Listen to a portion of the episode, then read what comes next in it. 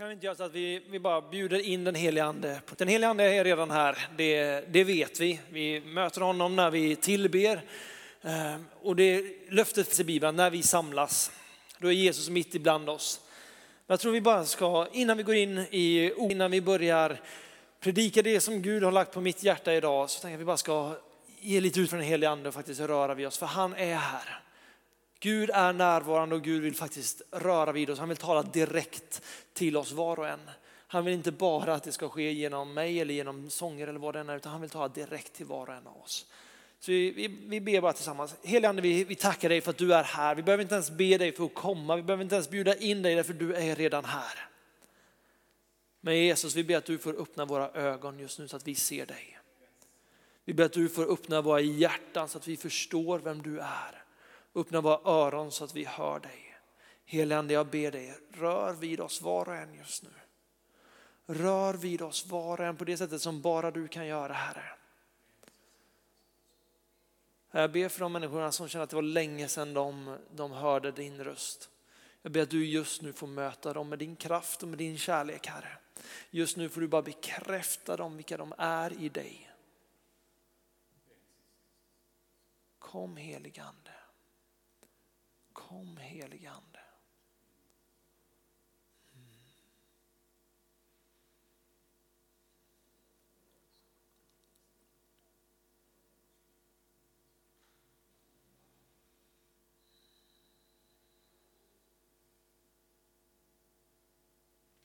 Elande, vi ber att du får förlösa ditt ord idag. Vi ber att du får eh, se till att ditt ord verkar idag. Så välsigna oss Herre. Amen.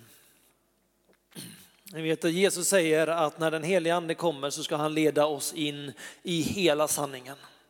Hela sanningen om vem Jesus är. För han har kommit för att förhärliga Jesus, han har kommit för att förhärliga Guds son. Men han kommer också leda oss in i hela sanningen om vilka vi verkligen är. Det är så många röster som talar om för oss vilka vi är eller hur vi ska se på oss själva eller vad vi ska tycka och tänka om oss själva. Men den heliga ande är den som ska leda oss in i hela sanningen om vilka vi är. Bibeln är en bra utgångspunkt. Det är Guds ord, det är inspirerat av den heliga ande och det är skarpare än något tveeggat svärd. När vi läser det ordet och vi är öppna för den heliga ande så kommer han uppenbara Guds vilja och Guds ord för oss. Och vad världen än säger, vad vi än får höra, vad vi än tänker om oss själva som går emot det som Bibeln säger, det är en lögn. Och vi behöver den heliga ande för att kunna urskilja vad som är sant och vad det är som är falskt. För enligt Bibeln så sätter sanningen oss fria. Jag tror att alla av oss längtar efter frihet, eller hur? Jag tror att varje människa i det här landet längtar efter frihet och vi kanske tänker att vi har frihet på grund av att vi lever i ett demokratiskt land. Vi kanske tänker att vi har frihet därför att vi har våran rösträtt och vi har lagar som finns där för att hjälpa oss. Men riktig frihet, riktigt liv finns bara i Jesus. Därför det Jesus gjorde när han kom, det var att han började predika att Guds rike är nu här. Vart han än gick så predikade han att Guds rike är nu här. Till skillnad från vad det hade varit innan. Evangelium är vårt uppdrag att gå ut och predika för hela skapelsen. Och evangeliumet handlar till stor del om vem Jesus är. Det handlar om att Gud själv blev människa, att han led för våra synders skull, att han dog för våra synders skull och han uppstod ifrån de döda för att vi ska kunna ha ett liv med honom här och nu och ända in i evigheten. Det är evangelium, det är goda nyheter utöver någonting annat. Men Jesus sa gå och predika evangelium om att Guds rike är nu här. Han sa inte gå ut och predika evangelium om att jag är här utan om att Guds rike är här. Och det betyder att det finns en annan dimension här. Efter det att Jesus kom så kom det ett nytt rike. Engelska översättningen säger att Guds rike is at the hand, or is at hand. Vilket innebär att Guds rike är för handen. Det är så nära så att vi faktiskt kan sträcka oss ut och grabba tag i det. Och vad är Guds rike? Guds rike, det är Guds perfekta vilja som regerar. Vad är det Jesus lär oss att be? Det vi ber nästan varje söndag. Ske din vilja så som i himmelen, så och på jorden. Att det tillstånd som finns i himmelen, att det ska få vara verksamt här och nu. Finns det sjuka människor i himmelen? Nej. Finns det lögner i himmelen? Finns det korruption i himlen? Nej, det gör det inte. Finns det smärta och tårar i himlen? Nej, det gör det inte. Guds vilja, det Jesus kom med var att det finns någonting nytt som har kommit för att vi ska kunna leva liv i frihet. Där vi inte tror på lögner, där vi inte lever i fruktan utan där vi har fullständig frihet i Kristus. Jesus, det står så här i Matteus 4. Jag har inte gett den till dig utan vi go with the flow här. Så så här i Matteus 4, vers 23 och framåt. Jesus vandrade omkring i hela Galileen och undervisade i deras synagogor och evangeliumet om riket. Och han botade alla sjukdomar och krämpor bland folket. Ryktet om honom gick ut över hela Syrien och man förde till honom alla som led av olika slags sjukdomar och plågor, besatta, månadssjuka och lama och han botade dem. Och mycket folk följde honom från Galileen och Dekapolis, från Jerusalem och Judeen, från andra sidan Jordan. Där Jesus gick fram, där predikade han Guds rike är nu här. Och där Jesus gick fram, där blev människor satta fria ifrån orena andar och demoner. Där han gick fram så började de lama att gå, de döva att höra och de blinda att se. Därför att det är så det är i Guds rike. Han bekräftar Guds rike med under och tecken där han på något sätt upprättar människor, sätter människor fria ifrån bojor av andar och sjukdomar. För att det ska bli så som det är i Guds rike mitt ibland oss. Och evangeliet om riket är precis lika sant idag som det var när Jesus gick runt. Han sände ut människor, han sände ut lärjungarna och han sände ut oss att gå ut och göra hela, hela världen till lärjungar. Alla folk ska komma och höra evangeliet om att Guds rike är här.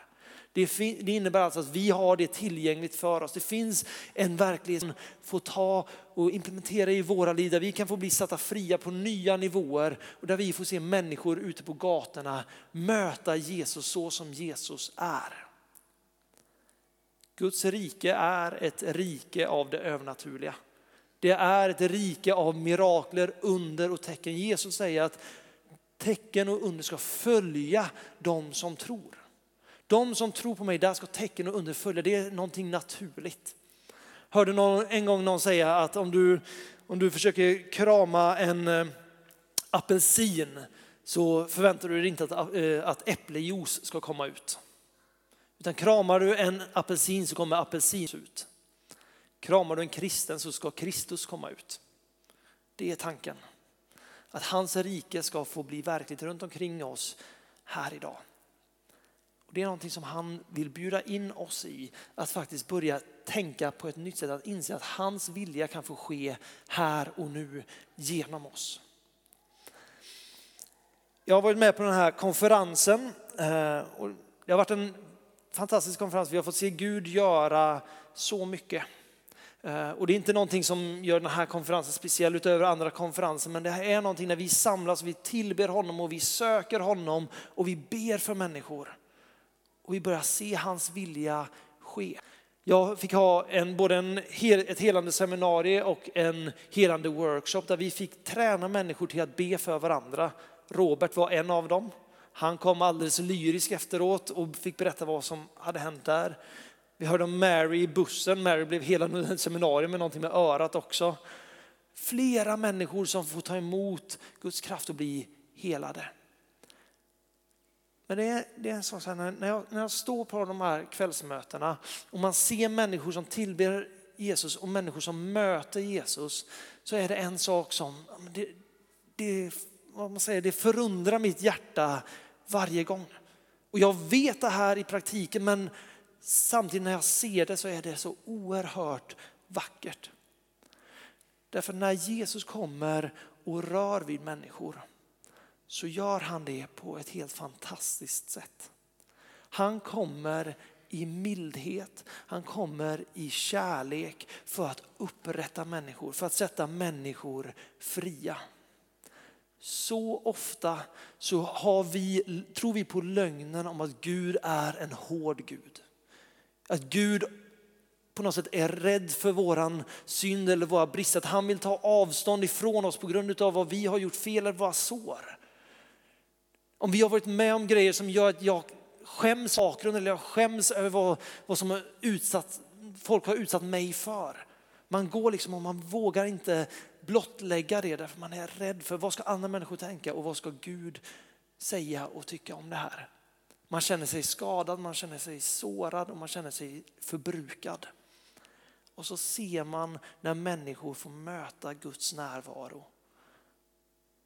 Människor som får börja gråta, människor som får ett förlösande förlösande tårar, de här helande tårarna, när man bara ser att det är inte i smärta av fördömelse, utan det är smärta av att på nytt få inse att jag är älskad.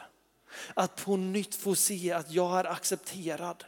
Att det är där som jag har varit med om, jag har inte varit ensam i det, utan Gud har varit där hela tiden och han har nu kommit för att ge mig frihet. Han gör det på ett så vackert sätt. Och jag märker med mig själv att jag förväntar mig att Gud ska komma in med stora trummor liksom och skälla ut demoner. Men Jesus kommer för att befria människor, för att hela människor. Och han gör det på ett sätt som jag inte tror att vi alltid förstår hur han gör det. Jag tänker därför att vi ska gå till Johannes 8, vers 1 och framåt.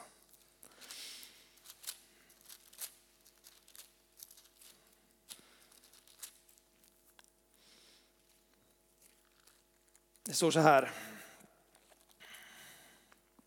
Och Jesus gick ut till Oljeberget.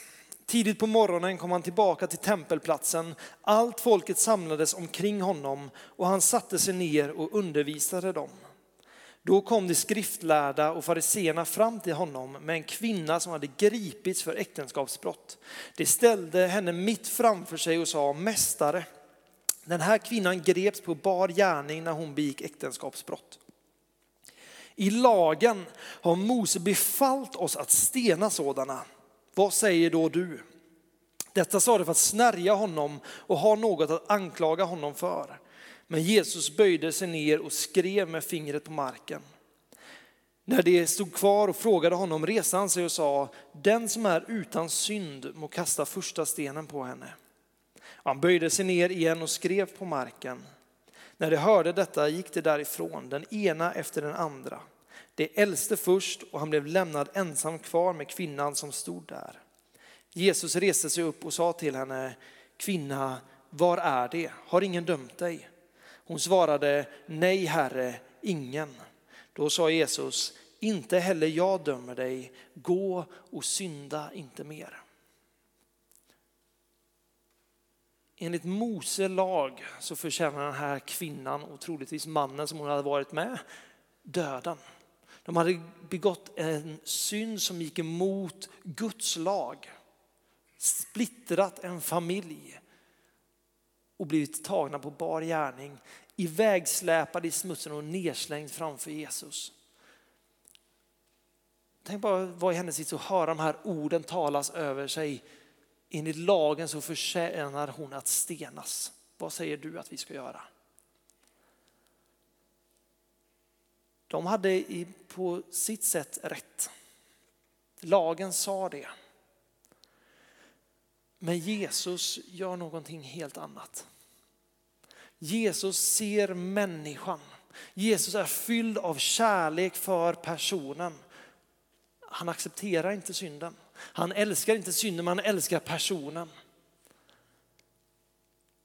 Och bara genom sina ord på något sätt så avväpnar han de här som står med stenarna. Och de, de får gå därifrån. Och, och Jesus kollar på dem och säger, var är de? Är det ingen som har dömt dig? Och hon säger nej.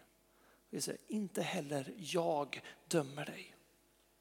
Jesus som är utan synd, Jesus som hade kunnat ta upp den där stenen och kastat den på henne för han var helt fri. Men Jesus säger att inte heller jag dömer dig, gå och synda inte mer. En sårad människa med smärta som är blottad ut för Jesus. Och vad gör Jesus? Han hjälper henne upp.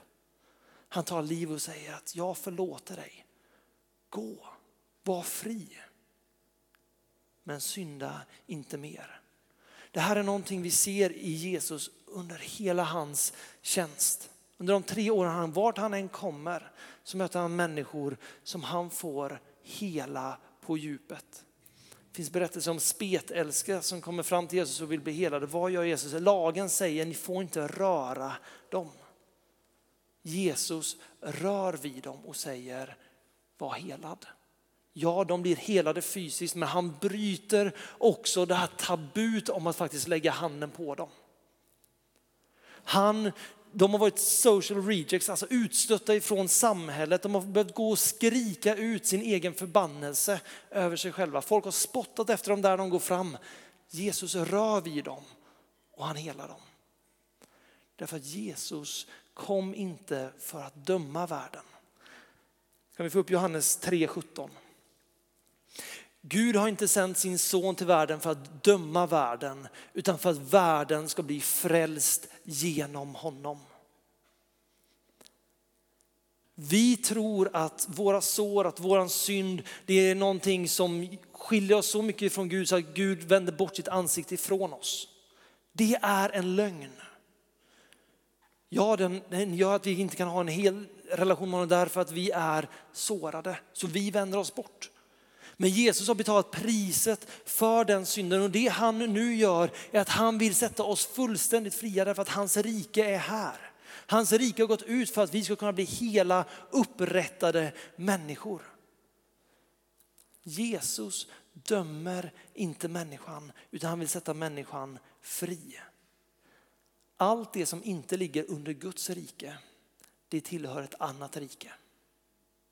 Allt det som inte ligger under Guds auktoritet eller Guds vilja, det tillhör prinsen av den här jorden, eller av den här skapelsen. Det är mörkrets välde. Jesus har kommit för att föra ljus in i mörkret. Jesus klandrar inte människan för synd utan han klandrar synden för vad den gör mot hans barn. Vi ser de här fariseerna som kommer fram och släpar och slänger ner den här kvinnan inför Jesus. De har en agenda. De vill anklaga, de vill döma. De vill skada henne. Medan Jesus vill se henne helad och upprättad. Jesus vill komma in och hela de sår och föra henne ut i fullständig frihet. Vi har en tendens i kyrkan att helt missuppfatta vårt uppdrag. Därför att vi står ofta där med stenarna och tänker du tänker och tycker inte som jag och därför ska du stenas. Eller du lever syndigt, du hänger på nattklubbarna, därför kan jag kasta skit på dig. Därför kan jag stena dig eller jag kan skada dig. Jesus älskar inte synden men han älskar människan bakom synden.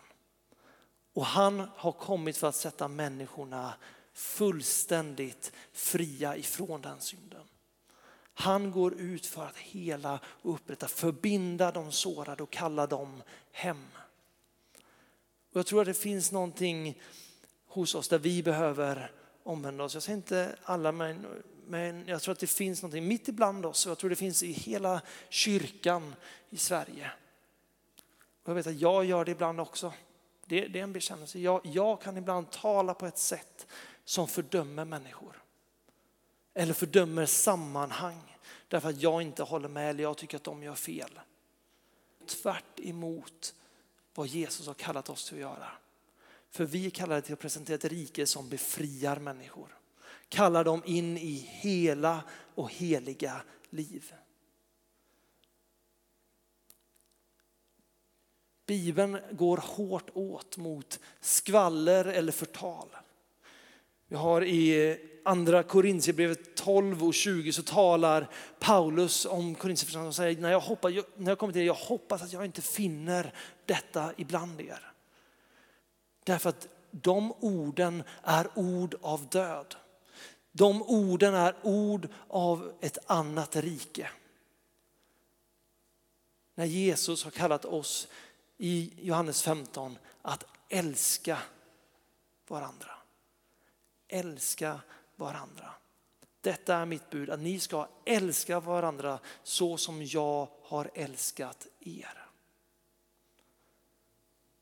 Där i kommer Guds rike. Det Jesus har kommit för att göra, det är inte för att krossa människor. Han har inte kommit för att lägga ett ok på människor. Vi kan få upp Jesaja 42. Han vill profetia om Jesus från Jesaja till så nästan 700 år tidigare. Se min tjänare som jag stöder, min utvalde som min själ glädjer sig över. Jag sänder min ande över honom. Han ska utbreda rätten av folken. Han ska inte skria eller ropa inte låta sin röst höras på gatorna. Ett brutet strå ska han inte krossa, en tynande veke ska han inte släcka. Han ska i trofasthet utbreda rätten. Jesus har inte kommit för att krossa den svaga. Jesus har inte kommit för att lägga mer lag, mer tyngd på den svaga, utan han har kommit för att hela och upprätta människor. Och det är det vi ser vart Jesus än går fram. Hur han helar och upprättar människor. Hur han sätter människor fria ifrån syndens makt. Romarbrevet 8, 30, eh, nej, vänta nu. 8.1 är det. 8.1 säger att det finns inte längre någon fördömelse i Kristus. Men vi är så duktiga på att både fördöma oss själva och fördöma andra. Att ta de här stenarna som vi vill anklaga med och Jesus säger, men se på dig själv. Den som är utan synd får kasta första kasta första stenen. Därför att han ser människan och han vill föra den människan ut i fullständig frihet. Han vill att så som det är i himmelen, så ska det bli mitt ibland oss. Och vill vi se Guds rike komma ibland oss, vill vi se hans vilja ske, så är det någonting som vi måste ställa oss i också. Jag tror bara så här, jag tror det, det finns någonting här, för om, om, vi, om vi vill se mer av Gud, vi måste vara mer lika honom. Men, och, det, får, det är verkligen för han göra i oss, men jag tror det finns så här, jag tror man känner trädet utav frukten. Sa det rätt nu, det är ordspråket eller är det tvärtom? Nej, det är nog rätt. Om man ser på ett träd och det har dålig frukt så vet vi att det är fullt av skit. Då vet vi att det är ett dåligt träd som vi inte ska äta av och det kommer inte börja producera god frukt bara sådär heller. Så jag tror att det finns någonting av oss där vi behöver mer av urskiljningens gåva när vi pratar med varandra och om varandra. Därför vi är kallade till att älska varandra, inte döma varandra. För om inte Jesus kom för att döma, då är inte vi kallade till att döma. Utan vi är kallade för att föra människor till upprättelse i honom. Så jag tror det när vi börjar höra eller när vi märker att vi börjar tala på ett sätt som inte talar liv över människor. Som inte bekräftar det Gud har lagt ner i dem utan vi klankar ner på det där andra när vi kommer med anklagelser mot människor. Då måste, vi, då måste våra varningsklockor börja ringa för då är det någonting som inte är i det. Efesierbrevet 6.12 säger så här. Vi kämpar inte mot kött och blod utan mot förstarna, mot makterna, mot världshärskarna här i mörkret och mot ondskans andemakter i himlarymderna. Det är vårt uppdrag. Vi är kallade till att stå emot andemakterna, mot förstarna, mot världshärskarna, alltså det som finns i mörkret, det som är av ande. För det som inte ligger under Guds rike, under Guds auktoritet, det är det här som vi ska stå emot. När vi möter en människa som lever i uppenbar synd så är det därför att den personen är under inflytande av mörkrets makter. De har inte böjt sig fullt ut under Jesu kors. Vårat uppdrag är inte att hata på den personen, anklaga den personen, därför det för aldrig den människan in i en relation med Fadern. Utan vårt uppdrag är att älska den personen in i en gemenskap med Gud. Men det som ligger bakom, det är det vi ska stå emot. Vad är det vi ser hos Jesus? När är det vi ser Jesus bli upprörd? När är det vi ser Jesus höja rösten? Jo, det är när folkets ledare eller de skriftlärda kommer och de anklagar, när de lägger tyngder på människor, då ryter Jesus ifrån. Han hatar inte dem som människor. Han vill se dem, för vi ser flera i Bibeln, vi ser flera fariseer eller skriftlärare komma till tro. Jesus älskar de människorna, han har kommit och han har dött för de människorna. Men Jesus är ingen vekling, Jesus är ingen dörrmatta utan han är lejonet av Juda. Han sätter ner foten när det kommer till andemakterna bakom. När det kommer till lögnerna bakom, därför att vi vet att hans rike är frihet och sanning. Och det är vad han har kommit för att utbreda mitt ibland oss. Så när vi hamnar i konflikt med människor eller när vi märker människor som lever på ett helt annat sätt än vad vi önskar att de gjorde eller människor som förtalar så är det inte dem vi ska attackera. Därför Jesus älskar dem. Vi ska tala liv över dem. Sen får vi ta striden med andemakterna. Andrew kan hålla ett seminarium någon gång om hur vi tar den striden med andemakterna. Det är inte det vi ska gå in i mer än att vi vet att vi har auktoriteten i Jesu namn. Men det jag, vill, det jag vill peka på här är just det här att vi slåss aldrig mot människor. Det är aldrig människor vi får ta fighten mot. Utan det är makten bakom lögnen som de tror på som gör att de sätter sig upp emot evangeliet. Lögnen som de lever i, som de inte själva har förstått att de tror på, som gör att de agerar så som de gör. Det är det här Jesus kom för att sätta oss fria ifrån. För att vi ska komma in i fullheten av hans sanning. För att sanningen ska kunna sätta oss fria så att vi förstår livet på riktigt och det är ett liv tillsammans med Jesus. Av frukten känner vi trädet. Vi behöver ha en urskiljning. När vi hör att det börjar viskas, eller det börjar anklagas, vi hör bitterhet och vi känner att de här orden föder inte liv. De här, de här orden gör ingenting för att bygga upp gemenskapen. Det här går inte i enlighet med Guds rike. Där har vi ett mandat. Därför de andemakterna har vi auktoritet över. Hörde nu på konferensen så var det en talare som sa det att ni vet när Petrus får sitt namn. Han hette Simon innan och han får namnet Petrus som betyder klippan. Han får det därför att Jesus frågar, vem säger ni att han är? Och Petrus säger, du är Messias, den enda Gudens son. Och Jesus säger att på den uppenbarelsen om vem jag är ska jag bygga hela min kyrka på. Och helvetets portar ska aldrig kunna stå emot den uppenbarelsen, den sanningen. Så mot de andemakter, mot de lögnerna, mot bedrägeri eller korruption, mot hat eller bitterhet, där har vi rätt att höja rösten. Där kan vi stå precis som Jesus gjorde mot fariseerna som kom med stenarna i händerna. Men Jesus lyfter upp den svage. Jesus vill hela och upprätta den sårade. Därför att när vi beter oss på ett sätt som inte går i enlighet med Guds ord, då är det för att vi tror på en lögn. Eller vi bär sår som gör att vi inte är fria. Och Gud vill komma in och han vill röra vid de områdena i våra liv. Han vill röra vid den människan som vi möter och hela och upprätta dem. Jag tycker ett av de vackraste exemplen på det, det är ifrån sista kapitlet i Johannes. Jag har kört på, hur länge har jag pratat Axel? 29, då är det dags att börja avrunda här. Sista kapitlet i, i Johannes evangeliet. Petrus, en av Jesu närmaste lärjungar. I den avgörande stunden så har han svikit Jesus. Han har sagt, jag känner inte den mannen, jag vet inte vem han är, jag vill inte förknippas med honom. Han har tidigare bekänt vem Jesus är, men i den stunden så tar han avstånd och säger, jag vet inte vem Jesus är. Hade någon gjort så mot mig, det hade gjort ont. Det hade troligtvis väckt bitterhet. Ifrån de såren hade det troligtvis väckt en ilska, kanske ett hat eller ett förakt mot någon som sviker mig i min svåraste stund. Vad gör Jesus mot Petrus? Nu ska vi se, nu har jag helt fel bok här. Jesus möter Petrus som uppstånden.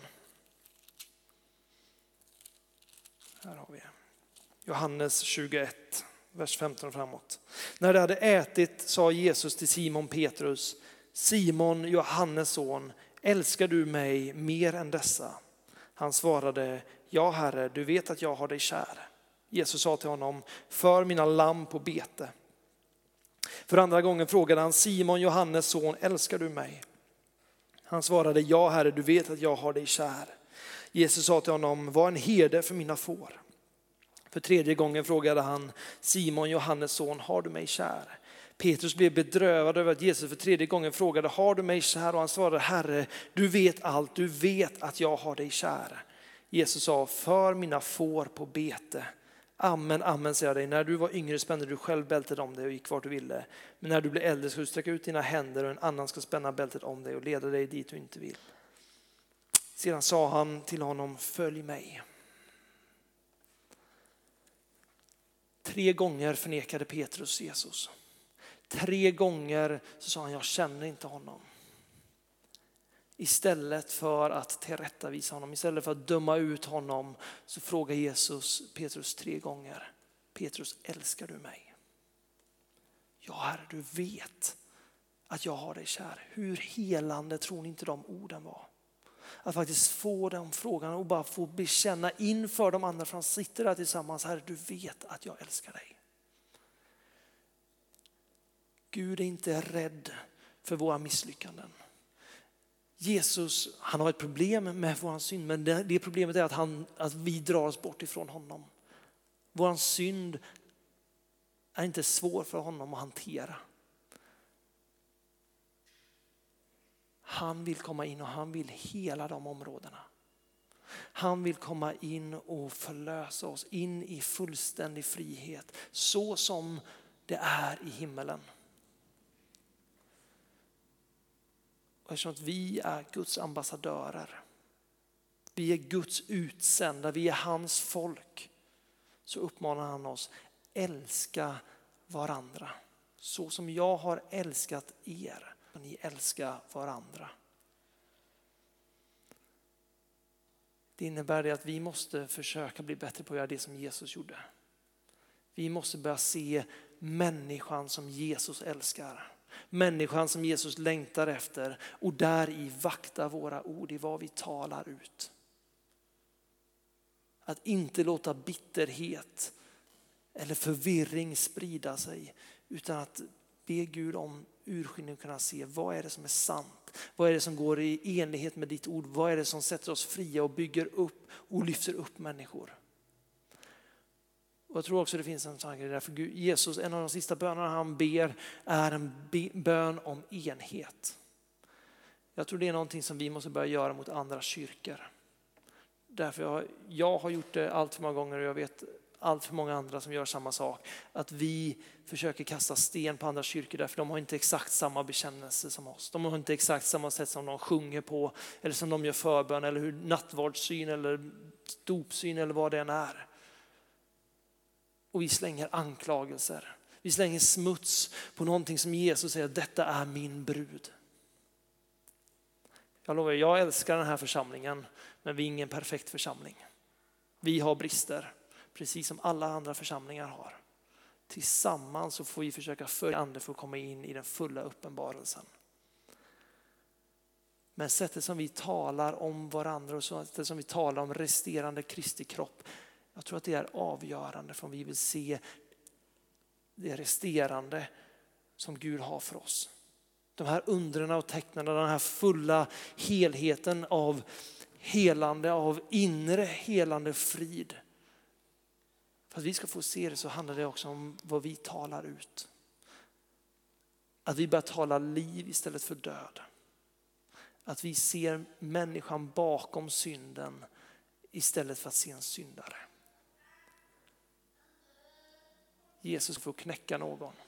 Jesus kom inte för att trampa ner någon eller släcka en tynande veke, utan Jesus kom för att lyfta upp människor, för att komma in i en perfekt relation med Fadern på nytt. Det är vad han vill göra här idag hos oss. Han vill komma in och röra vid våra sårigheter, Där vi kanske har dratt oss undan därför att vi är rädda, vad ska Gud säga om det här? Eller vågar jag blottlägga det här för Gud eller för andra? Där vill Gud komma in precis lika ödmjukt och milt som han gjorde det på Petrus vill han göra här idag. Människor som, kommer, som kan ligga och känna sig anklagad precis som äktenskapsbryterskan gjorde, som vet att jag har gjort på samma sätt vill Jesus resa upp dig idag och säga inte heller jag dömer dig. Gå nu och lev så som mitt rike kallar dig till att leva. Och de av oss som faktiskt känner att jag måste släppa mina stenar. Jag måste börja tala liv istället för anklagelse. Frihet istället för bitterhet. Vi måste släppa våra stenar, vi måste bekänna det och vända om och säga Jesus hela även mig. Och bara be att Guds sanning får komma och uppenbara det för oss. Jesus sammanfattar hela lagen i två bud. Älska Gud av hela din kraft, av hela din själ, av hela ditt förstånd.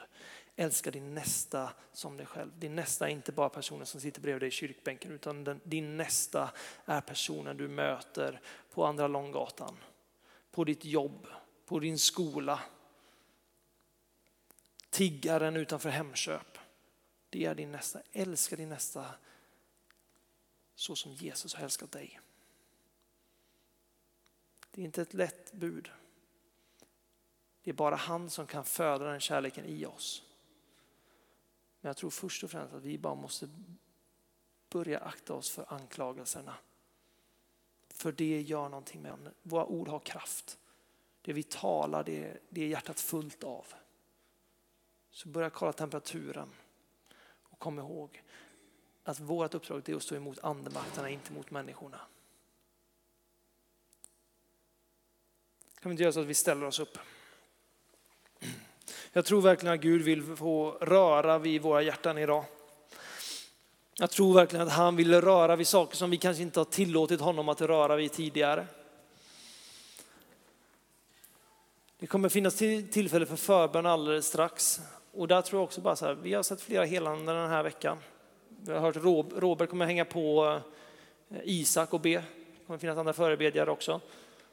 Har du fysisk smärta så låt någon be för dig. Har du en sjukdom, låt någon be för dig. Därför det är Guds vilja att du ska vara hel och fri. Men det gäller också de djupare såren. Det gäller också våran självbild där Gud vill komma in och tala sin sanning, sitt ljus och sin kärlek över oss.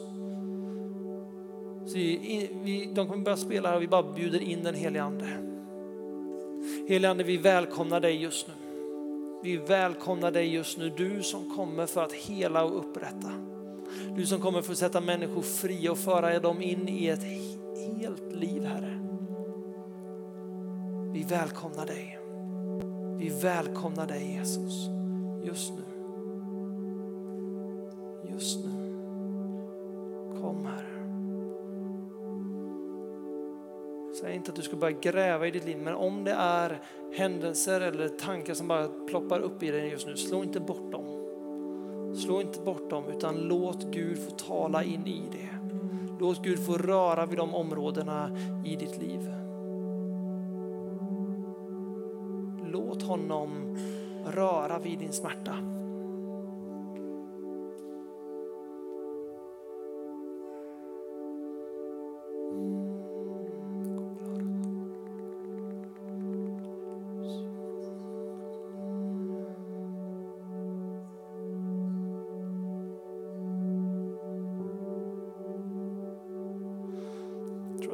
Någon här inne som har gett upp hoppet på, på den kallelse som ni tror att Gud en gång gav er.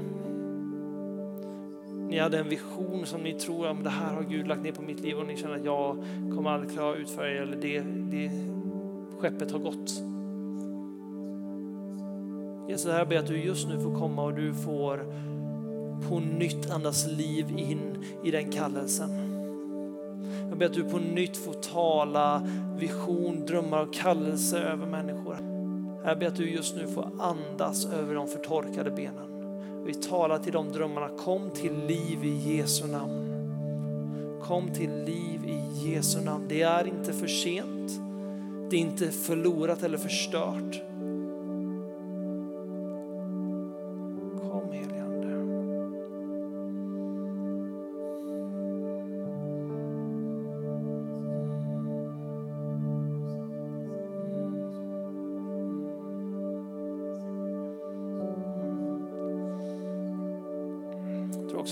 Som känner att de har varit i öknen lite för länge. Det har varit lite för torrt, det har varit lite för eh, lite av Gud. Han vill möta dig just nu, han vill röra vid dig just nu. Han är den som gör stigar i vildmarken, han är den som låter vattenkällor bryta fram. Så heligande vi ber att du just nu får andas liv i de som känner sig torra, i sådär, de som känner att de, det var länge sedan du rörde vid dem. Så ber vi heligande att du får röra vid dem just nu. Visa på nytt din kärlek, visa att du är här för att möta med oss.